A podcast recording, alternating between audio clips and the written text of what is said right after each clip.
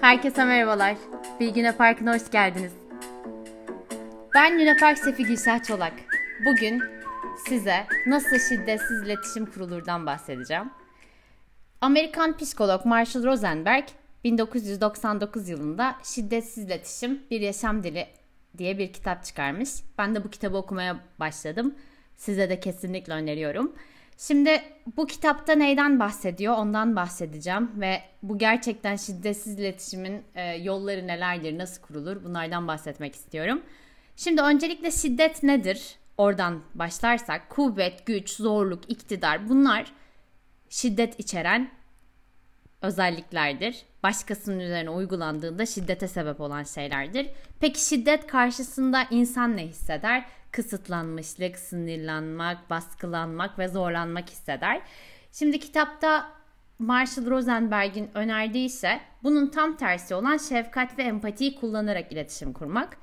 Şimdi e, burada kitaptaki bahsettiği dört yoldan bahsetmeden önce ben yine buradan e, David Burns'e amcama gitmek istiyorum. Amcamın biliyorsunuz çok önceden de bahsettim. Etiketleme, yargılama, genelleme, geleceğe dair falcılık yapma gibi düşünce hatalarını yakaladığı bir sistem var.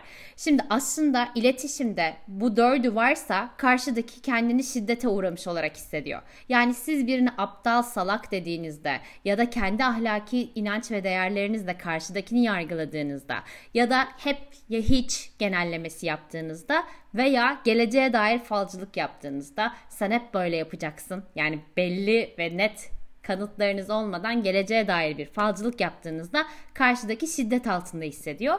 Karşıdaki de şiddet altında hissettiği zaman korku ortaya çıkıyor. Korku da kaç ya da savaş mekanizmasını çıkartıyor. Yani siz biriyle şiddetli iletişim kurduğunuz zaman karşıdaki insan ya savaşıyor sizinle ya da sizden kaçıyor. Şimdi peki bunun yolundan nasıl bahsetmiş Marshall?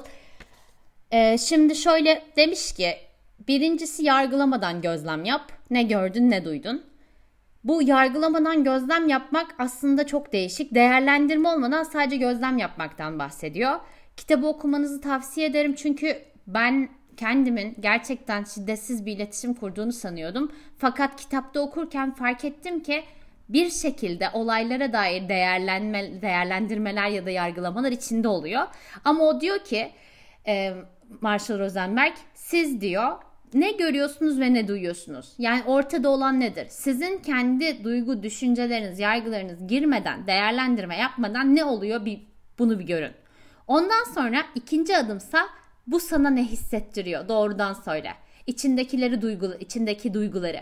Şimdi şu burada da şöyle bir şey var. İçindeki duygular aslında biz duyguları da çok iyi tanımlayamıyoruz. Hani bu his nedir? Tam olarak nedir? Duyguları nasıl ifade ederiz? Bu da çok bildiğimiz bir şey değil. Ailede öğrenmediysek, sonrasında da bunun üstünde pratik yapmadıysak karşıdakine yani kendimizin bilmediği bir şeye karşıdakine aktarmamız mümkün değil. O yüzden aslında önce bir kendi duygu farkındalığımızda olmamız gerekiyor.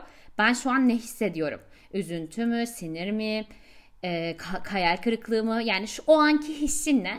Ve bunu belirledikten sonra bunu doğrudan şöyle diyor. Önce gözlemi yaptık, sonra ne hissettiğimizi bulduk ve bunu doğrudan söylemek için örnek yapacağım zaten. Üçüncü ise ihtiyacını belirle. Değerlerin ve özlemlerinle birlikte ihtiyaçlarını dile getir. Yani o an senin neye ihtiyacın var? Bu da tabii yani neye ihtiyacın olduğunu düşünmek de aslında oturup da bizim canımız sıkınken ay benim neye ihtiyacım vardı diye düşünmüyoruz. Ama eğer bunu düşünmeye başlarsak karşıdaki insana aktarımımız çok daha net oluyor. Dördüncüsü ise eylem adımı net ve olumlu bir eylem diliyle bir ricada bulundu ilişkin için diyor. Şimdi ben örneğe geçiyorum. Mesela eve gelirken bu herhangi biri olabilir. Eşiniz, arkadaşınız, çocuğunuz eve gelirken bir ekmek almasını istediniz. O da ekmek almayı unuttu. Şöyle bir tak şöyle bir tepki verebiliyorsunuz. Aptalsın, sarak, salaksın, sürekli unutuyorsun, sürekli getirmiyorsun. Ben sana kaç kere söyledim, kaç kere daha söyleyeceğim. Beni hiç dinlemiyorsun. Hep böylesin. Yine unutacaksın. Şimdi bu bir iletişim tarzı. Karşıdakinde direkt etiketleme var, yargılama var, genelleme var, hep var, geleceğe dair falcılık var ve karşıdaki bunda yani ya kaçıyor ya savaşıyor. Yani ya size gerçekten saldırıyor geri ya da sizden uzaklaşıp gidiyor. Şimdi işte bu bahsettiği dört yöntemle yapacak olsak önce gözlem. Ne oldu? Karşıdaki eve gelirken ekmek almadı. Bu. Yani belki unutmadı değil almadı onu bilmiyoruz bile. Yani gözlemle karşıdaki eve gelirken sana ekmek al demişken almadı. Şimdi oradaki hissettiğin şey ne? Aslında görülmemek ve unutulmak, unutulduğunu düşündüğün için belki üzülüyorsun. Yani orada bir şey rica etmişsin ve sen bu ricana karşı karşıdaki bunu yapmamış. Muhtemelen oradaki hissettiğin şey üzüntü, hayal kırıklığı, görülmemek. Sonrasında ise bu bunu fark ediyorsun. Diğeri ise ihtiyacın ne? Oradaki senin ihtiyacın ne bu durumda? Yani ihtiyacın evet birinci ihtiyacın muhtemelen ekmek ama ikinci ihtiyacın bireysel ihtiyacın görünmek ve dinlenmek belki ve bu da sana kendi değer yargılarında değerli hissettirecek. Daha sonrasında ise buna bunları fark ettikten sonra eylem adımı oluşturmak. Şimdi bunu şöyle tekrar bir göz baştan alırsak eğer bu dille konuşursak nasıl olabilir diye. Eve gelirken biri yine ekmek almayı unuttu. Şimdi gelen kişiye bu şiddetli iletişimle saldırmadan önce kendinize orada bir dediğim gibi bu zor ama bir boşluk vermeniz lazım. Düşünmeyi sağlayacak. Bu alıştıra alıştıra, alıştırma yapa yapa, pratik yapa yapa olacak bir şey. Evet burada neler yapılabilir? Eve gelirken unutman beni üzdü. Hani dinlenmemiş olmak beni değersiz hissettirdi. Burada ben birbirimizi dinlemenin huzurumuz için önemli olduğunu düşünüyorum. Bir sonraki sefere hatırlaman için nasıl yapalım? Şimdi tabii ki hala diyorum ya bunu söylemek ne kadar kolay diye. Ama bunu en şiddetsiz kendi dilinizde nasıl yapabilirsiniz ona da bakabilirsiniz. Yani ben bunu sadece bir örnek olarak yaptım. Ama belki de siz diyeceksiniz ki yani orada şiddetinizi nasıl kontrol altına alıp bunu empatiyle karşıdakine nasıl duygunuzu ve ihtiyacınızı aktarırsınız.